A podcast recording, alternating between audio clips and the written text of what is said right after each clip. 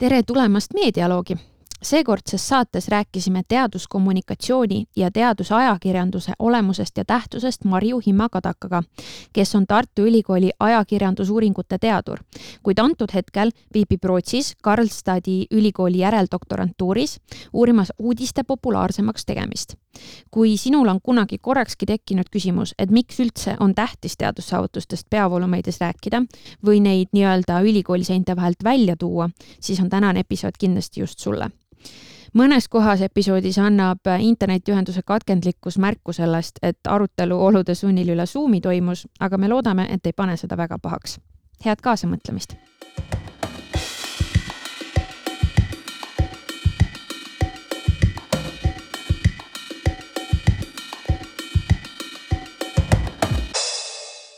tere, Marju! tere! küsin algatuseks lihtsalt, et panna siis justkui paika see selline baas, et äh, kuidas sina defineerid teaduskommunikatsiooni? mis asi on teaduskommunikatsioon? Mm, teaduskommunikatsioon on äh, osa teadusest, mis tähendab seda, et äh, kui teadust tehakse, siis selle jaoks, et sellest ka ühiskonnale ükskõik mis tasandil, tavainimese tasandil, poliitika tasandil või ka teadlaste endi tasandil kasu oleks, on vaja teadust ka kommunikeerida ehk anda teada sellest, millega teadus tegeleb, milleni ta jõudnud on ja mida me veel ei tea et äh, teaduskommunikatsioon ühest küljest on siis nagu natuke see, mida teadlased ise teevad nagu väljapoole, aga ka see, mis siis ajakirjandus sellest teeb või? Äh, jah, seda ka, et äh, sõltubki, teaduskommunikatsioon on tegelikult väga mitmesugust, mitte ainult seda, mis on nii-öelda avalikkusele suunatud ajakirjanduse vahendusel või, või mis tahes muu meedia vahendusel. vaid, vaid teaduskommunikatsioon on ka näiteks see, mida teadlased omavahel teevad vahetades äh, enda teadustöö tulemusi või ka tehes koostööd. Äh, aga ka teaduskommunikatsioon äh, on tegelikult osa ka näiteks sellest, kui ülikoolid või uurimisasutused teevad koostööd mm, ettevõtjate või kolmanda sektoriga. et ka seal teaduskommunikatsioon kui selline leiab aset, ehk et see on igasugune teadmussiire teadusest kui institutsioonist kuhu iganes ühiskonda siis. ja sina tegeled sellega eelkõige mis tasandilt, mis tasandile siis? no ennekõike, kuna minu taust on äh, teadusajakirjanduses äh, ja, ja siis ka teadlase poole pealt, teadlase pilguga vaadates, siis ennekõike tegelen ma selle osaga, mis äh, puudutab avalikkusele suunatud kommunikatsiooni. Ähm, ehk siis see, mida me tavainimestena võiksime teadusest oma igapäevaellu võtta, see, mis leiab aset siis pigem teaduse ja võib-olla ajakirjanduse ja meedia vahendusel ehk siis jah, see, kuidas äh, teadus tõlkub äh, võib-olla populaarteaduslikku võtmesse või vormi, mida siis mitteteadlastel või mitte ka selle vastava teadusvaldkonnaga seotud inimestel oleks lihtsam mõista. et see on siis see osa, millega mina olen tegelenud. et populaarteaduslik sisuliselt ongi selline nagu inimkeelde pandud teadus? Noh, lihtsustatult öeldes võib ka nii öelda jah, et äh, populaarne viitaks justkui sellele, et ta läheks laialt levima, sest ta on inimestele oluline. et äh, teaduskommunikatsiooni juures äh, tõesti üha enam äh, tuleb ka vahel endale meelde tuletada, et see ei ole lihtsalt äh, kommunikatsioon kommunikatsiooni pärast, vaid sellepärast, et see oleks ka nii-öelda populaarne, läheks massidesse ehk et inimesed leiaksid, et see on nende jaoks äh, oluline asi, millest hoolida ja mida oma igapäevaelus kasutada. ja kuidas meil sellega praegu Eestis läheb? Praegu läheb hästi, tegelikult on juba mõnda aega päris hästi läinud, et kui ma võrdlen teisi riike, siis äh, Eesti üks suur eelis on see, et me oleme äh, jube väikesed, mis tähendab seda, et, äh, et iga teadlane on mõnes mõttes kas ajakirjanikust või mõnest kommunikatsioonispetsialistist või ka avalikkusest laiemalt ühe käepigistuse kaugusel. Ähm, ja, ja see vahetu suhtlus on tegelikult teinud ka teaduse kommunikeerimise avalikkusele palju lihtsamaks, kui see on nii mõneski teises riigis ja muidugi, eks meil on ka tänuväärt tööd teinud äh, selles osas ähm, teaduskommunikatsiooni spetsialistid, teadusadministraatorid, teadusajakirjanikud, et, et kõik on nagu ühiselt pingutanud ka selle nimel, et, et teadlastel oleks oskusi ennast ähm, selgemini ja, ja suurematele rahvahulkadele väljendada. et oleks neid võimalusi, kuidas seda teha äh, nii traditsioonilises meedias kui uues meedias. ehk et, äh, et võib öelda, et Eesti teaduskommunikatsiooniga on päris hästi ja, ja minu arust hästi tänuväärne on ka see et äh, teadus on hästi palju avalikus pildis, et äh, noh, väga lihtsa näitena tuues, et, äh, et küll koroona ajal või kogu pandeemia ajal avastati justkui teadlaste pädevused uuesti sest need aitasid toime tulla kriisisituatsiooniga. Aga tegelikult ka see, et teadlased on kõneisikud mis tahes uudiste puhul või mis tahes teemade puhul võib-olla isegi rohkem kui äh, väga paljudes teistes riikides, et see on ka hästi oluline, hästi tänuväärne. sest see tähendab seda, et äh, teadlane ei ole ainult pildis siis, kui tal on mingisugusest teadustöö tulemusest rääkida, vaid et teadlane on ka äh, ekspert muudes teemades, mida ajakirjandus oluliseks peab, ehk et teadus on rohkem kohal kõikides meie igapäeva uudisteemades või aktuaalsetes teemades laiemalt aga kas sa arvad, et ajakirjanike pädevus, äh, sellise keskmise mittespetsialiseerunud äh, ajakirjaniku pädevus teadusteemasid kommunikeerida jõuab nagu teaduse, ütleme siis kommunikeerimisele endale justkui järgi või, või? ehk et kas äh, keskmine ajakirjanik suudab ikkagi teadusest sellisel määral aru saada, et seda ka selgelt edasi anda? just ma arvan, et sellega on, äh, on ka nii ja naa. Äh, tõsi on, et, äh, et ajakirjanik, kes peab suutma kirjutada ühel päeval, ma ei tea, tänavaaukudest, järgmisel päeval rehvi vahetusest, võib-olla isegi samal päeval veel kõike seda ja siis tõlkida kolm välisuudist ja siis teha sinna kõrvale üks mm, teadusartiklil või teadustöö tulemustele tuginev lugu. et paratamatult tema mm, teadmised on küll laialdased, aga väga pinnapealsed ja, ja see hästi ei lähe võib-olla sellise selge ja täpse teaduskommunikatsiooniga kokku küll aga ma arvan, et sellega on järjest paremini ja, ja osalt on selle põhjus ka selles, et meie äh, teadlased on rohkem võtnud ka kõneisiku rolli, on äh, rohkem äh, hakanud meediaga vahetult suhtlema. ehk kas meie teadlased on sotsiaalmeedias, võtavad ise sõna või nad räägivad otse ajakirjanikuga, et seda julgust ja kogemust on järjest rohkem. ja, ja see tähendab ka seda, et et kui ka ajakirjanik võib-olla kõigest detailideni äh, ei saa aru, siis äh, teadlane on üsna palju toeks, et, et aidata mõista ja aidata ka äh, harida. aga, aga tõsi on, et kõige nõrgem lüli võib-olla ajakirjanduses võib olla see just see nii-öelda ülduudiste ajakirjanik, kes tõesti peab väga paljudes teemades kuidagi orienteeruma. Ja tal ei pruugi olla aega minna süvitsi kas ühes teemavaldkonnas. Ja tegelikult ka teadusest kirjutades, et teadus on ju väga mitmekülgne, me ei räägi ainult äh, kasvõi ma ei tea, loodustäppisteaduste sees on juba nii palju erinevaid äh, teemasid, teemavaldkondi, millega justkui peaks olema kursis. et kui paljude teemadega me ise suudaksime ka teadlastena ähm, minna süvitsi või, või saada aru asjade olemusest. no ma ei ole päris kindel, et ma siiani ikkagi viroloogia artiklit lugedes äh, saan sellest kõigest täpselt nii aru, nagu ka viroloog saaks aru või et äh, kui arvutiteadlane loeb mõnda minu teadusartiklit või, või mõnda teist sotsiaalteadlase artiklit, et tema saab siis sellest aru, mida meie teeme ehk et olekski nagu palju paluda, et ajakirjanik sellest lõpuni üksinda ja, ja väga pädevalt aru saaks. samas see tekitab ju päris suurt ohtu nagu selle äh,, selles mõttes, et äh, kui sellised teadmised on hästi üldised või pinnapealsed mingist konkreetsest teemast ja sellest artikkel ometi sünnib, siis ähm, noh, puhtalt vale arusaamade pärast võib, võib tekkida nagu päris suuri möödarääkivusi või päris suuri kääre, on ju. et äh, kas, kasvõi kui sageli sa märkad sellist asja Eesti, Eestis või, või mingi muu riigi meedias? ma arvan, et äh,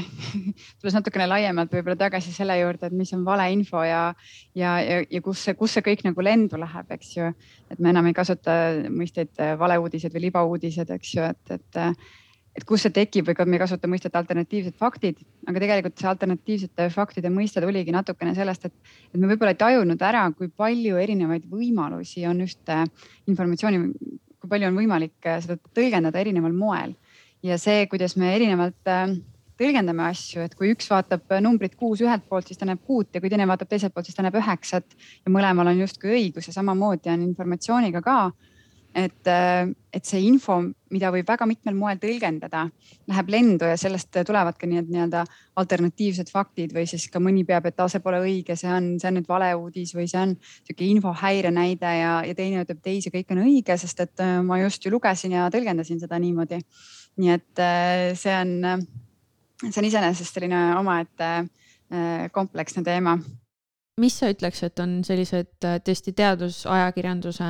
ja noh, jah, jällegi teiselt poolt ka teaduskommunikatsiooni äh, sellised põhilised nii-öelda probleemikohad praegu. eriti noh, tõesti ongi praeguses maailmas, kus pandeemia möllab ja, ja tegelikult see, et inimesed, ka tavainimesed, ka need, kes võib-olla tegelikult muidu ei huvituks teadusajakirjandusest,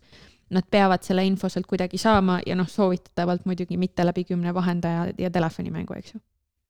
võib-olla on kaks asja, ma alustan natukene kaugemalt, et kus teaduskommunikatsioon võib-olla äh, ammu natuke valesti läinud. Äh, vist oli eelmisel aastal oli üks äh, hea sakslaste uuring, mis, äh, mis väga hästi näitas selle ära, et äh, teaduskommunikatsioon on ära institutsionaliseeritud, mis tähendab seda, et näiteks ülikoolid on hakanud teaduskommunikatsiooni tegema mitte sellel eesmärgil, et viia teadustöö tulemused ühiskonda, vaid sellel eesmärgil, et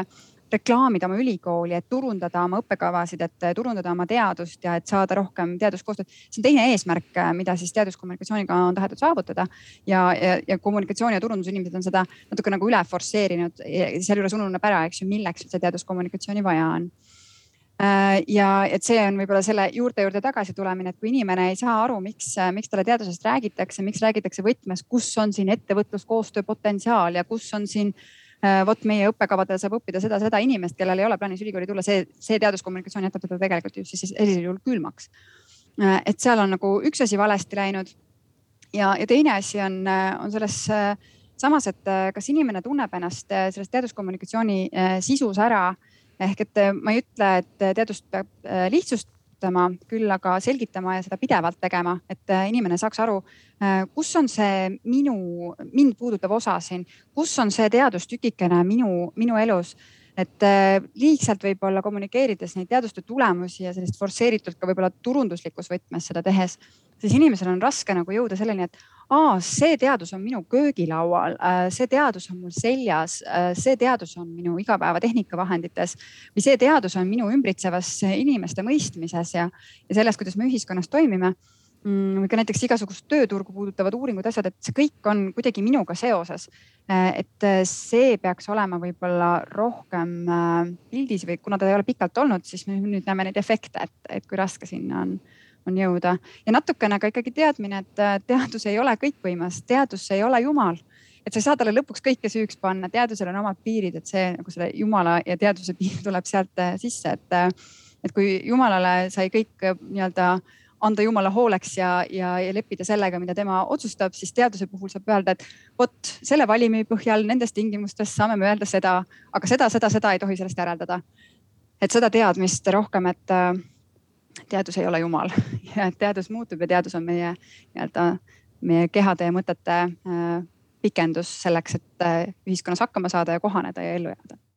Äh, sina kui ka keegi, kes üliõpilastega kokku puutub omajagu vähemalt Tartu Ülikoolis kindlasti sinu Rootsi elu kohta ma ei, ei oska päris kindlasti öelda, aga kas sulle tundub, et teaduskommunikatsioon on, on midagi, mida ülikoolis piisavalt palju tutvustatakse tudengitele? Ei ja jah, et selles mõttes äh, ma mõlemas ülikoolis, äh, ma puutun väga palju kokku sellega, et, et kuidas teaduskommunikatsioon siis äh, just nii-öelda praktikasse jõuab ja tegelikult ülikoolid enamikus Euroopas, mis on siiski klassikalised ülikoolid, ju tuginevad teadustööle. Ehk et nad on teaduspõhised ülikoolid, see tähendab seda, et see, mida me õpetame, peab tuginema ikkagi teadustööl, kas isiklikul teadustööl või vähemalt teiste teadustööl et selles mõttes ka see on teaduskommunikatsioon ja see, kuidas me neid teadmisi edasi anname tudengitele, kuidas nemad seda omakorda oma tulevikus äh, töös kasutavad, ka see on äh, selline nii-öelda praktiline osa teaduskommunikatsioonist. Äh, aga kui me räägime nüüd sellest, et, et kas seda on piisavalt või kus seda võiks veel olla, siis kuna ma õpetan ka doktorante, siis ma näen üha enam seda, et, et mida nii-öelda kõrgemale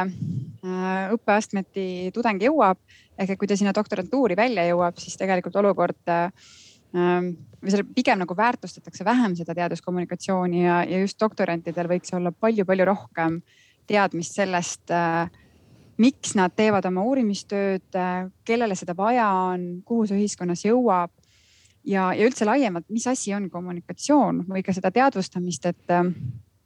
et kuigi teadus võib olla ju inseneerias või on ta äh, Äh, kuskil mingisuguses rohetehnoloogias. et äh, aga ilma selleta, et sul on sinna kõrvale vaja teisi teadusdistsipliine, ei ole, ei ole sinu, sinu teadustööl ka justkui mõtet, et noh, võtame sellesama rohepöörde, et sul võib olla äh, mingisugune tehnoloogia, mis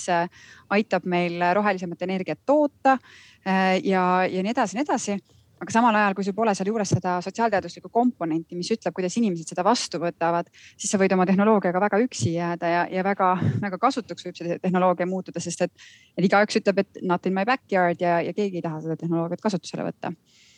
Ehk et äh, üha olulisem on teaduskommunikatsiooni juures teadvustada, äh, mida tehakse teistes valdkondades ja osata iseennast asetada siis äh, selle juurde, et noh, samamoodi ma võin öelda, et, et teaduskommunikatsioon ka ei ole nagu mingi asi iseeneses, vaid selle jaoks, et,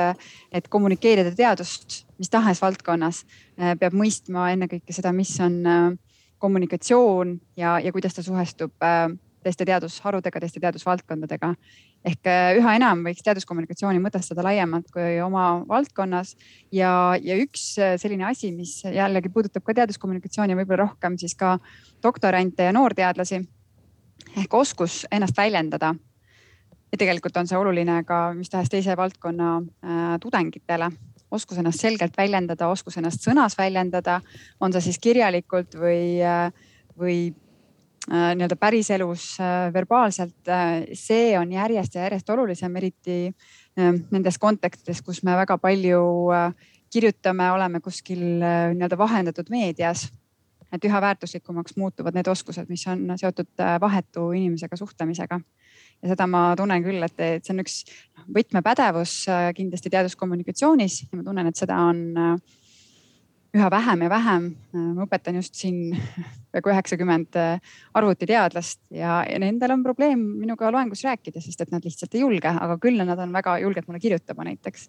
et äh, sellest barjäärist ülesaamine mis tahes teadusvaldkonnas äh, ja tegelikult lihtsalt meie igapäevaelus on, on hästi-hästi oluline. aga kui sama küsimus esitada teadusajakirjanduse poole pealt nii-öelda vaadates ehk siis nagu teiselt justkui teiselt poolt on ju, et äh, kas teadusajakirjandus on midagi, mida ülikooli õpingute ajal tudengitele,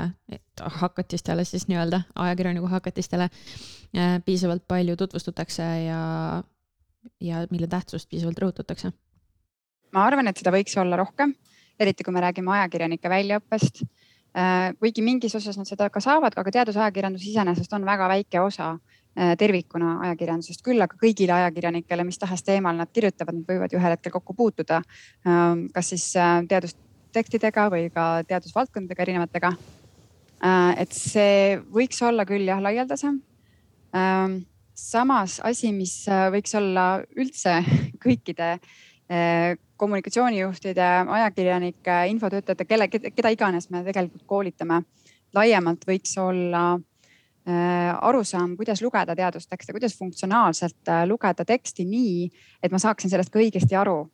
Et mitte ma ei tõlgendaks seda valesti. Ja, ja siis ka sinna juurde, kuidas seda heas eesti keeles edasi anda, kuidas saada kõigepealt ise aru ja siis kuidas seda selgelt teistele väljendada. et see on see koht, kus äh, sageli teaduskommunikatsioonil need kõige suuremad sõlmkohad tekivad, et, et inimene ei usalda iseennast, kas ma sain sellest täpselt aru. Ja siis ta tõlgib midagi sellest teadusartiklist võib-olla ja see kõik läheb väga vussi, sellepärast et, äh, et kui inimene ise ei saa aru, on see ajakirjanik või kommunikatsioonijuht, siis on tal ka väga raske edasi anda midagi äh, äh, mõistetavat või arusaadavat sellest, mida ta siis on parasjagu lugenud või kuulnud. Nii et õpetada seda, kuidas funktsionaalselt tekstidest aru saada, kuidas teadust tõlgendada, ka kuidas teadust tõlgendada oma piirangutes ja, ja kuidas seda siis vahendada nii, et, et vastuvõtja, on see siis lugeja, vaataja, kuulaja ka sellest äh, aru saaks ja mu igapäevaelu, ellu saaks seda kasutada jah, teadustekstidest arusaamise selline probleemikoht iseenesest, eriti pandeemia ajal tundub äh, üsna teravalt äh, hakkab vähemasti mulle nagu silma, et, et, et inimestele soovitatakse päris palju, et noh, aga loe teadusartikleid ja, ja sa saad nii-öelda õige info.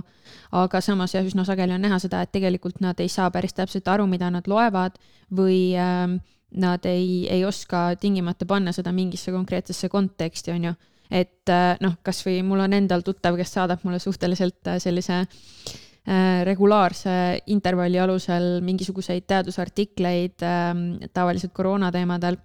mis tõepoolest iseenesest on täiesti niimoodi mõistlikes ajakirjades ja peer review'd ja, ja kõik on justkui kõik linnukesed on nagu täidetud, aga noh, just eile ma sain mingi artikli äh, mingisugusest kliinilisest uuringust äh,, mille põhjal tehti hästi suuri järeldusi, aga selle kliin-, kliinilise uuringu äh, siis nii-öelda uurimisgrupp oli kolmkümmend inimest. et äh, ja, ja noh ma sain aru, et ta ei saa aru, miks, miks kolmekümne inimese põhjal teha kogu inimkonna põhjal järeldusi ei, ei ole nagu võib-olla päris äh, õige lähenemine. aga kas sulle tundub, et ajakirjanikele, kas nad mõistavad seda vastutust, mis neil seega on, et, et justkui tõlkida need ähm, teadustekstid, millest jah, on raske võib-olla aru saada, eriti kui sa ei ole harjunud, on ju, lugema teadustekste nii-öelda siis noh, selle lõpptarbija või, või ähm, lugejana. et äh,, et kas sa arvad, et nad saavad aru sellest vastutusest, mis neil lasub, et, et see tõlkida siis nii-öelda inimkeelde, aga samas, et see tõlkida nagu õigesti ja õiges kontekstis ja nii edasi? ma arvan, et ajakirjanikud saavad oma vastutusest väga hästi aru, aga nad teavad ka seda, et äh, et nendel on tähtaeg, äh, nendel on võetud kohustus äh, vahendada informatsiooni äh, ja, ja ennekõike on sul toimetus ja, ja oma vahetu juht, kes, kes, kellel on sinule ootused ja, ja kellele sa ka siis mm, püüad oma, oma tööga panust anda, et nagu selge on see, et sul on tööülesanne, mida sa täidad. aga ka see vastutus, et, et jah, et mida ma vahendan. ükski ajakirjanik kindlasti meelega ei vahenda valeinformatsiooni või kui ta seda teeb, siis tal tõenäoliselt äh, on ikkagi mingisugused äh, tugevad professionaalsed oskused puudu ja tõenäoliselt ei tööta ta ka üheski meediaväljaandes, sest et, äh, et natukene nagu tuletõrjujategi nii natuke nagu ka tuletõrjujate puhul on samamoodi ajakirjanikega, ega sa nagu väga kõvasti võid eksida ainult ühe korra. Pärast seda ei võta sind keegi tõsiselt enam. Ja, ja on üksikud ajakirjanikud võib-olla Eesti ajakirjandusmaastikul, keda ma tean, kes kuidagi süstemaatiliselt ei saa aru, et nad teevad midagi valesti, aga, aga nendel ka teemad ühel hetkel kuivavad kokku, ka nende allikad ei taha nendega rääkida ja nii edasi, et, see teeb nagu elu keeruliseks, kui sa ei ole kui sa teatud professionaalsetest standarditest kinni ei pea, nii et ma ei ütleks seda, et, et ajakirjanikud tahtlikult millegi vastu eksivad või et nad ei, ei tunnetaks seda vastutust, vastupidi, nad pigem tunnetavad seda vastutust võib-olla liiga palju mingites kohtades. ja samas ollakse mingites kohtades selles interpretatsioonis ka väga julged võib-olla see liigne julgus on see natukene, mis, mis miinuse, miinusena võib nagu tulla. aga samas jällegi, et äh, ajakirjanikud teavad ka väga hästi seda, et sa oled nii hea, kui on sinu allikad.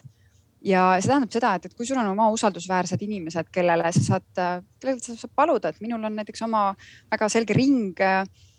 teadlasi, kellele ma saadan, et kuule, kas sa saad peale vaadata selle artikli, kas ma sain nagu õigesti asjadest aru, kas see on okei okay? ja on ka täiesti okei okay,, kui mõni neist saadab tagasi, kuule, sa oled täiesti mööda pannud või et, et tead, need on nagu nii vanad andmed, et siit ei saa enam neid paralleele tõmmata ja nii edasi. see on täiesti ka okei okay,, kui sa seda teed ja siis sa tänad ja lähed eluga edasi, eks ju. Äh, et ka ajakirjanikul on omad need nii-öelda kontrolliallikate ringid ja, see on täiesti okei okay niimoodi ähm, toimida ka ja ma arvan, et ajakirjanikud tajuvad oma vastutust väga hästi, vastasel juhul me näeksime eh, ikkagi valimatut jama, mis ilmuks, aga meil ei ilmu ikkagi väga suures osas valimatut jama, et võib-olla mingeid teatud ekslikkusi, aga, aga, aga pigem see ei ole valdav. kas äh, nii-öelda tavameedias ähm mulle hetkel tundub, et, et kuidagi see tasakaal selle vahel, et, et kas ongi, kas nii-öelda kommunikeerida siis teadust noh, nii-öelda äh, siukse äh, populaarteadusliku võtme läbi või ikkagi üritada justkui hoida seda sellist noh, nagu natuke nagu akadeemilisemat või tõsisemat joont. et ähm,, et eriti nüüd tõesti nii-öelda pandeemia valguses, kui iseenesest, eks ju, teadust, mida kommunikeerida, mis on justkui kõigile asjakohane, on nagu hirmus palju. aga, aga mulle tundub kuidagi, et, et need nii-öelda seda tasakaalu ei ole nagu suudetud väga hästi leida, et ähm, mis, äh, mis, mis sina arvad sellest, et, et äh, kuhu me peaks justkui sihtima üldse praegu? kõik sõltub ju sellest, kes on see vastuvõtja, kellele seda sisu luuakse. Äh, et kui me vaatame keskmist televaatajat Aktuaalses Kaameras või vaatame Seitsmestes või Reporteris, siis äh, me peame mõtlema selle peale, kes see on, kes seal teleka ees istub, mis on tema vastuvõtuvõime sellel hetkel, õhtul kell kaheksa, kell üheksa, kui teravad kriidid me need kõik oleme, et sealt mingisugust väga keerulist juttu vastu võtta. et äh, tulebki natukene võib-olla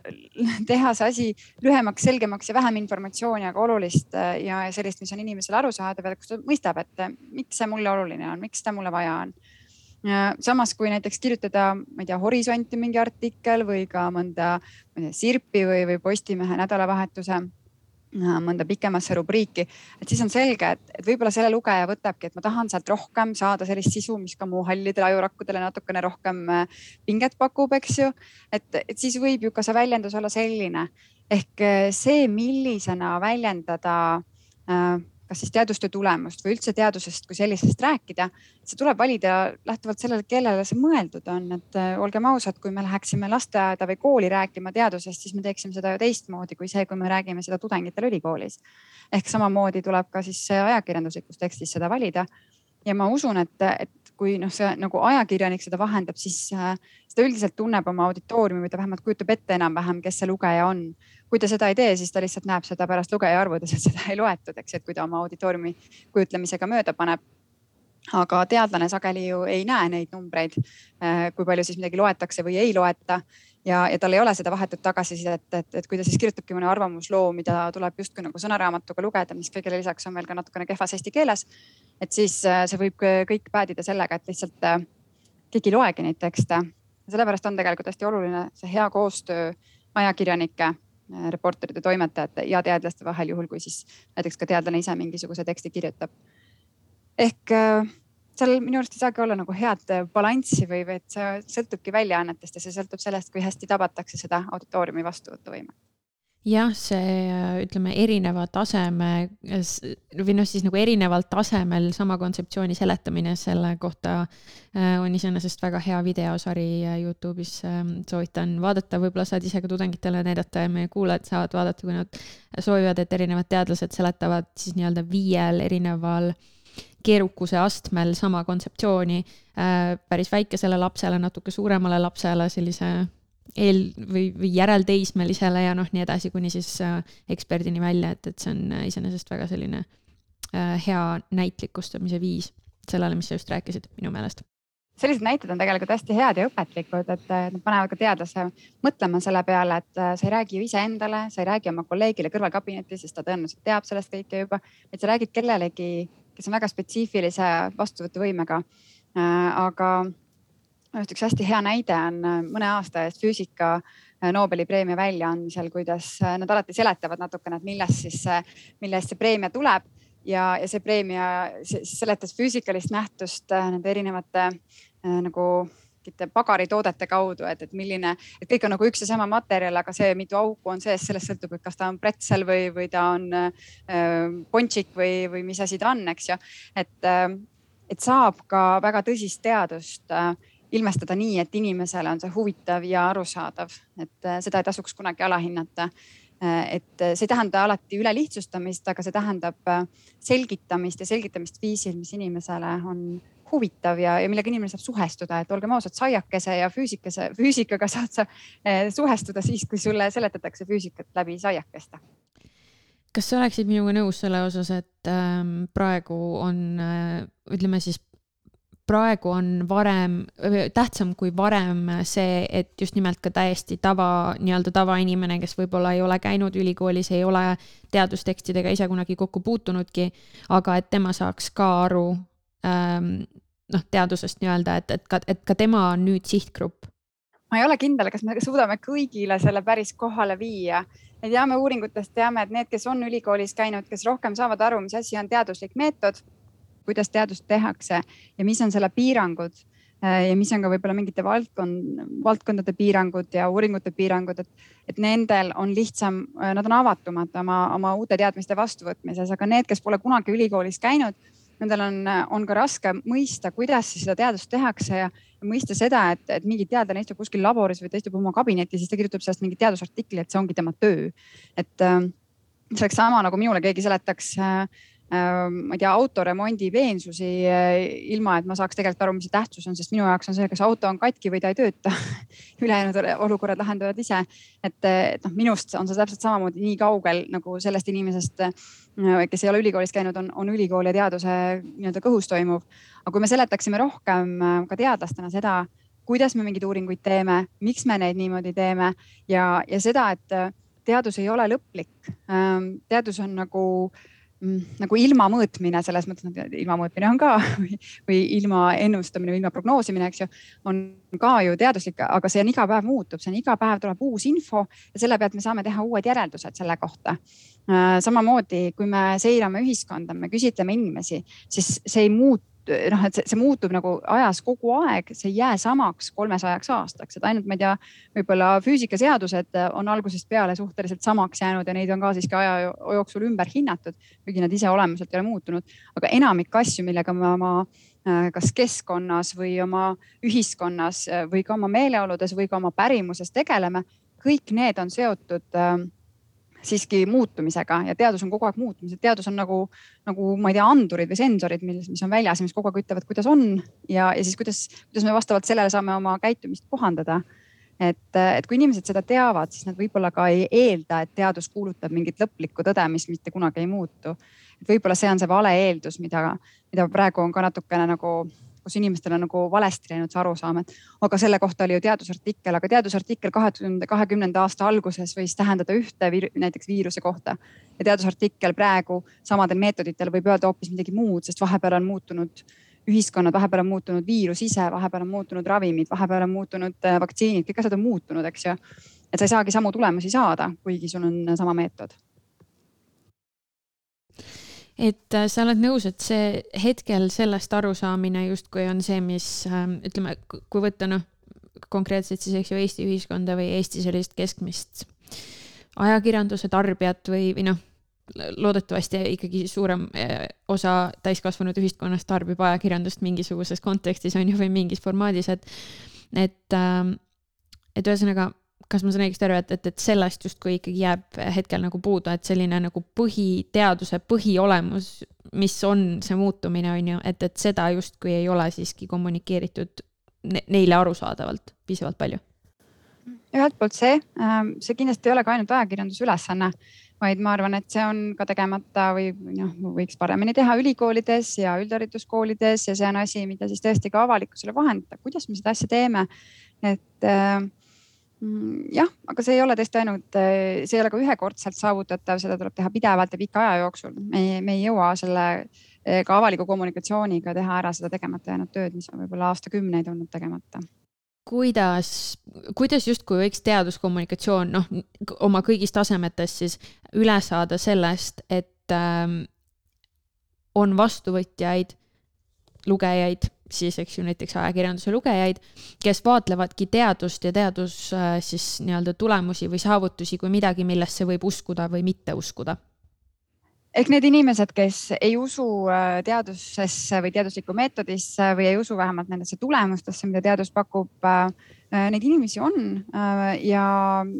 noh, neid on ka päris palju erinevates sellistes teadusbaromeetrites või siis küsitlusuuringutes kaardistatud, me enam-vähem teame, neid on kuskil seal niimoodi viie kuni seitsme protsendi ringis äh, erinevates ühiskondades maailmas ja see enam-vähem on niisugune stabiilne osa. Äh, noh, sageli neist räägiti ka et nad on need, kes äh, võib-olla siis vaktsineerimisest keelduvad, kes ei usu sellesse, et, et teadus mm, teadus esitab neile usaldusväärset informatsiooni ja no ühesõnaga palju sellist asja mm nüüd noh, muidugi pandeemia ajal me oleme näinud, et nende inimeste hulk on läinud äh, suuremaks, nad ei ole küll kõik ühesugused, nad ei ole homogeensed, nad ei ole äh, kõik kindlasti tingimata teadusvastased või ma ei tea, vaktsineerimisvastased või ma ei tea, rinnapiimavastased, igasuguseid vastasusi on olemas äh,. et äh, aga nende hulk on suurenenud, kes, kes siis pigem nagu seda äh, ekspertsusesse suhtuvad või teaduse ekspertsusesse suhtuvad äh, kahtluse, kahtlusega ja skeptitsismiga. Äh, miks see nii on? osaliselt on ka see, et et selline kommunikatsioon, mis on väga jõuliselt, et teadus kuulutab tõde ja teadus ütleb nii ja teadlased ütlevad naa. Ehm, samas on ju ka teadlased eh, oma uuringutes on, on, on neid, kes on eksinud, eh, neid samu teadustulemusi on ühel hetkel ümber hinnatud ja see tõukab neid kahtlejaid või kõhklejaid siis kindlasti sinna suunda. no sageli tõukab neid sinna suunda, et ahaa, teadust ei saa usaldada, teadus ei ole õige, teadus ei ole minu jaoks. Äh, aga samas näiteks selles samas grupis, kes on siis ka kõhklejad Mm, teaduslikus maailmapildis näiteks. Äh, nende hulgas on ka lihtsalt inimesi, kes äh, otsivad põnevust. Äh, nende hulgas on sageli ka neid, kes näiteks on usuvad vandenõuteooriaid, sest see on põnev, see on jube põnev, kui päriselus mõtle, juhtub midagi sellist kuskil taga, ongi selline suur vandenõu ja keegi tahab salaja meile käru keerata, see on nagu parem kui krimiromaan, sest sa elad selles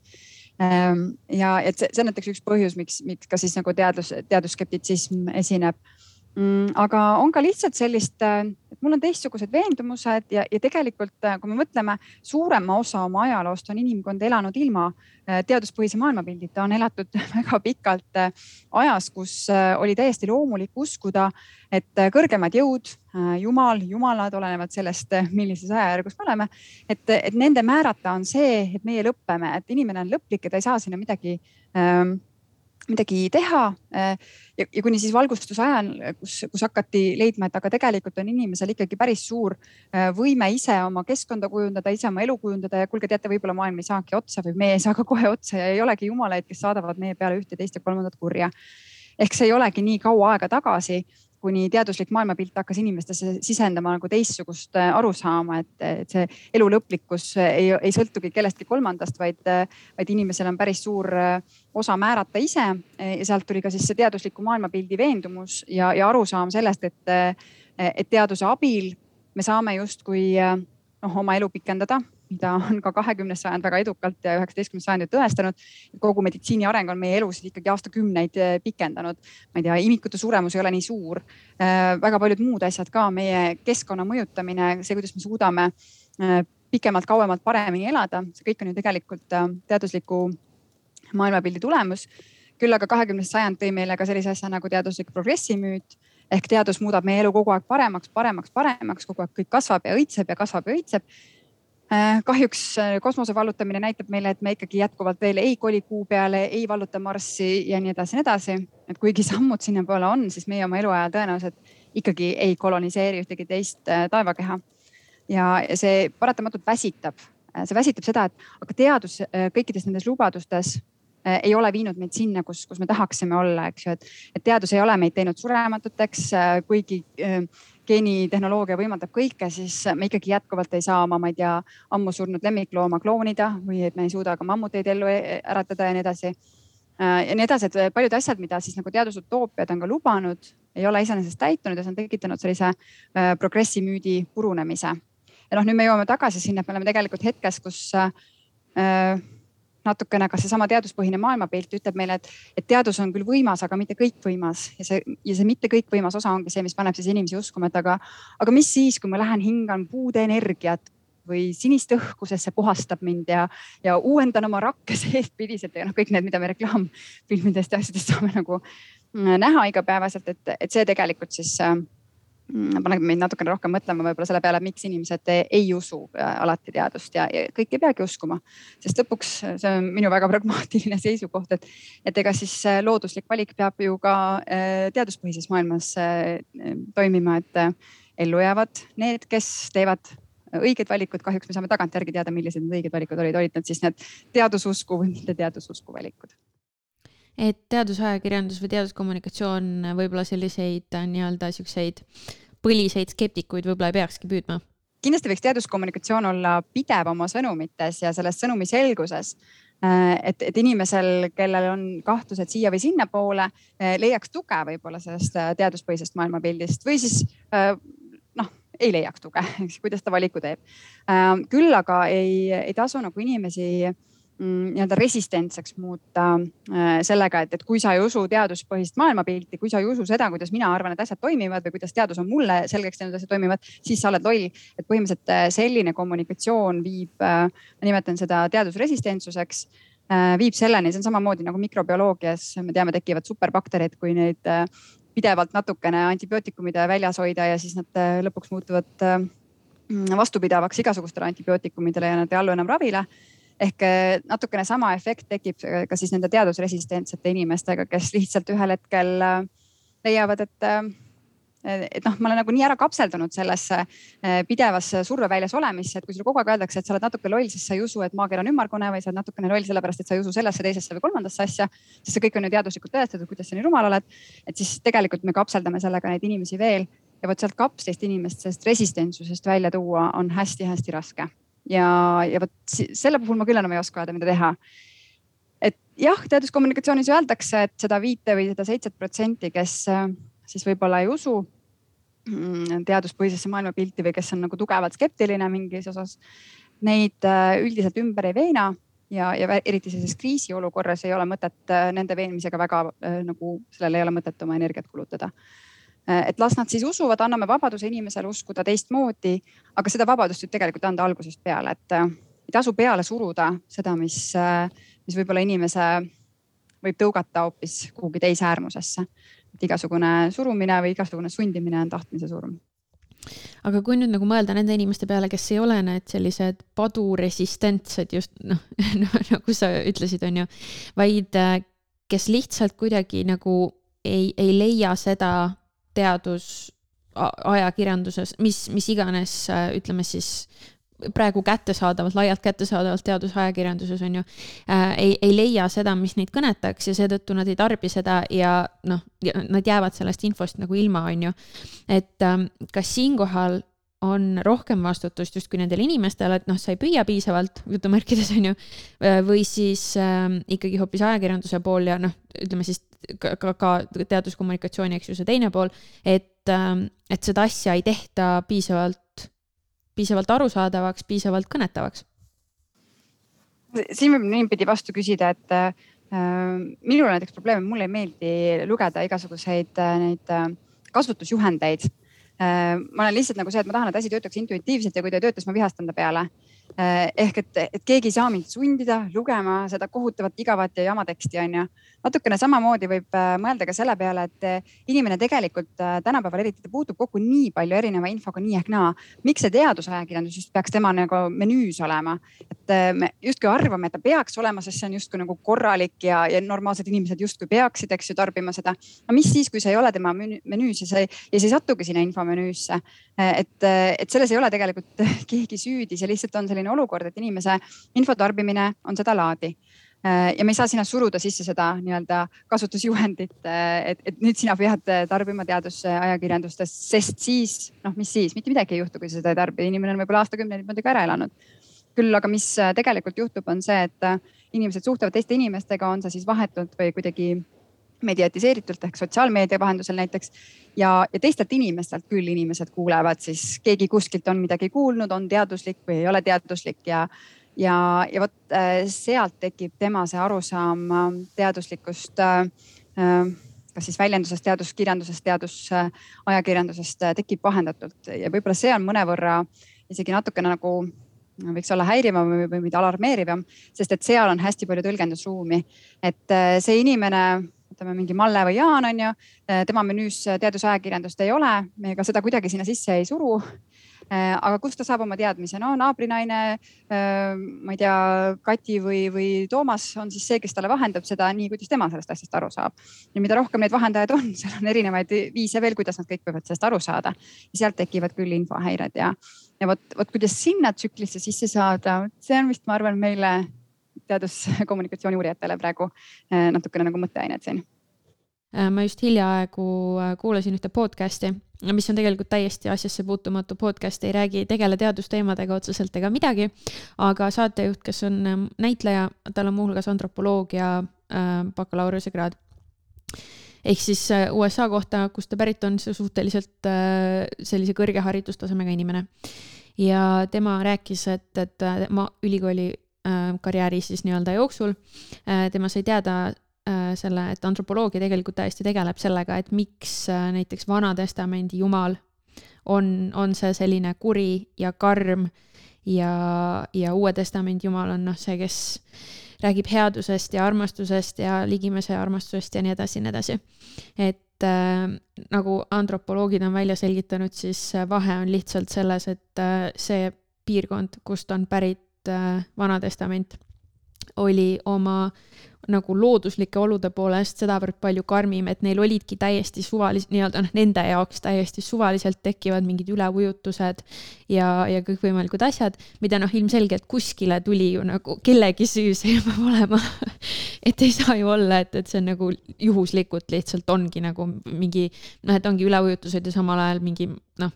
pikk põud on ju. et, ähm, et, et noh, neile tunduski, et see ongi jumal kes on selline kuri ja karm ja karistab igasuguste asjade eest ja, ja jumal on vihane, on ju. et äh, ja noh, Uus Testament tuli jällegi piirkonnast, mis oli palju viljakam ja, ja noh, nende elus ei olnud selliseid asju. mis minu arust on hästi huvitav, et, et äh, jah, et, et isegi justkui selline hästi spirituaalne kontseptsioon on ju nagu noh, Jumal ja tõesti, miks Jumal on kuri või miks Jumal on hea, armastab või vihkab või mis iganes. et ka see on tegelikult nagu teaduslikult täiesti jubeks võetav ja on, see tegelikult on ka väga õige, sellepärast et äh, olgem ausad, äh, kui sul on vaja millelegi seletus leida ja, ja see seletus, et äh, miks just minu põllumaad olid need, mis ära rikuti, miks just minu maja oli see, miks minu pere ja minu suguvõsa jäi ilma peavarjuta, siis sa tahad sellele leida põhjendust veel parem, kui see tuleb koos süüdlasega või noh, oma hinges sa saad teha rahu sellega, kui sa öelda, et see oli jumal, minul ei olegi siin midagi teha, see, et ma vale koha peale oma hütti ehitasin ja ma ei tea, vulkaanipurse selle minema pühkis selle tõttu, eks ju. et see noh see ongi, inimesel on vaja lohutust ja kui see lohutus tuleb äh, teaduse kaudu, kui see lohutus tuleb Jumala kaudu, so be it, see on täiesti okei okay,, kui, kui inimene saab sellega rahus edasi elada, sest et asjad, mis meid seesmiselt närivad, ma arvan, teevad meid palju rohkem katki. nii et äh, kui mina usun sellesse, et et teadus annab mulle informatsiooni, et oma elus teha paremaid valikuid, siis see on minu valik. kui keegi usub, et ta tahab äh, kristalli kõigutada ja, ja, ja ma ei tea, hingata aroome sisse, see teeb tema elu lihtsamaks, siis palun las see teeb. või kui keegi usub, et äh, on olemas kõrgemad jõud, mis ikkagi suunavad nii palju ära, et, äh, et horoskoop on ainus, mis suudab talle teejuhist näidata. kui see teeb tema elu lihtsamaks, siis see on ka täiesti okei okay.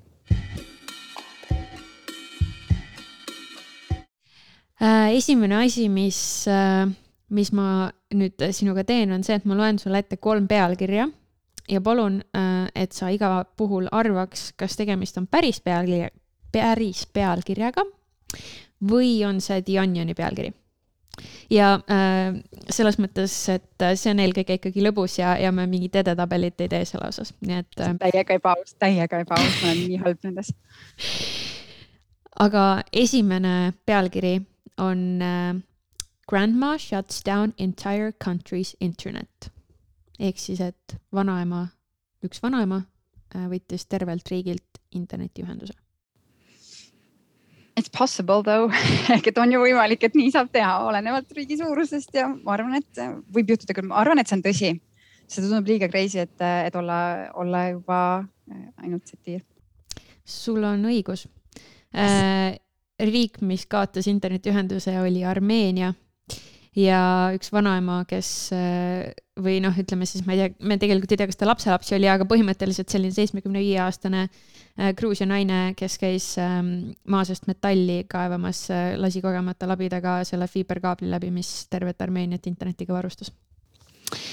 ärge pange kõiki mune ühte korvi, ma ütleks sellele. absoluutselt, absoluutselt. Äh, teine pealkiri. Canada's election proves surprisingly interesting ehk siis, et Kanada valimised olid äh, üllatavalt huvitavad on ajakirjanduslikult nii nõrk pealkiri, et iga väljaanne, kes paneks äh, sellise pealkirja äh,, noh ajakirjanikke õpetava õppejõuna, siis ma saan ju öelda, et see on, kui ei tundus huvitav, aga see ei ütle seda sisu, siis see ei peaks olema nagu ajakirjanduslik pealkiri. et ma oletan, et see, kui sellele panna muidugi satiirivõti peale, siis ta võib Onioni pealkiri olla küll aga see tegelikult oli päris pealkiri. oh crap, milline ajakirjanik selle pani ähm,? ajakirjaniku nime ei oska ma sulle öelda, aga, aga ma võin väljaande küll nii-öelda plastile panna, see oli LA Times. aga meil on äh, hea meel, et, et, äh, et Kanada valimised üllatavalt äh, huvitavad olid siiski. ja viimane, study, koolon, majority of Americans out of touch with mainstream ehk siis, et uuring ütleb, et enamik ameeriklasi tegelikult ei äh, ei, äh, ei saa peavoolust aru või ei, ei käi peavooluga koos. mis justkui on natuke paradoksaalne, eks ole. mis natukene on paradoksaalne just nimelt, et äh,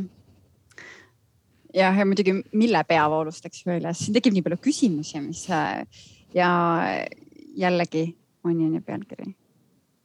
see on Onioni pealkiri, see ei saa, ei no saab küll, ma tean, et saab ju tegelikult ajakirjanduses olla, aga ma lihtsalt tahan ikkagi veel uskuda, et, et tegelikult ajakirjanduses pannakse asjakohaselt pealkiri. selles on sul õigus, see on The Onion. Yes. aga olgu ähm, nii-öelda tänutäheks ja episoodi lõpetuseks ähm, meil on äh, selline segment välja mõeldud, et, et jah, justkui tänutäheks me pakume oma kõigile külalistele siis sellise vahva variandi, et äh, kas sa oled kuulnud Florida Manist? ei, I m out of touch of mainstream, so. Um, Florida Man on siis selline natuke nagu meemi moodi sihuke, kuidas nüüd öelda, liikumine internetis võib nii öelda et kuna Florida on selline natuke nagu segane koht, kus toimub igasuguseid väga segaseid asju, siis äh, võimalik on leida väga-väga palju erinevaid pealkirju, kus Floridast pärit meesterahvas ehk Florida man on teinud mingisuguseid väga jaburaid asju. ja mingil hetkel sellest tekkis siis selline nagu challenge või nagu väljakutse, et äh, sa otsid välja, mida Florida man sinu sünnipäeval on teinud oh. ehk siis näiteks minu puhul uh, Florida man, minu Florida man on uh, Florida man brandishes samurai sword during road rage incident um,. kuna sinu sünnipäev on? neliteist juuni. väga hea, siis ma, siis mu uh, uurimus ütles õigesti ja sinu Florida man on Florida man shoots self in head to see if round in chamber. ehk siis Florida man tulistas ennast pähe, et aru saada, kas kuul on relvas sees Sounds like a plan. eks ole. võiks juhtuda kuskil Simpsonites või Family Guy's aga juhtus Floridas aga juhtus Floridas. aga olgu, suur aitäh sulle, et sa minuga täna rääkisid.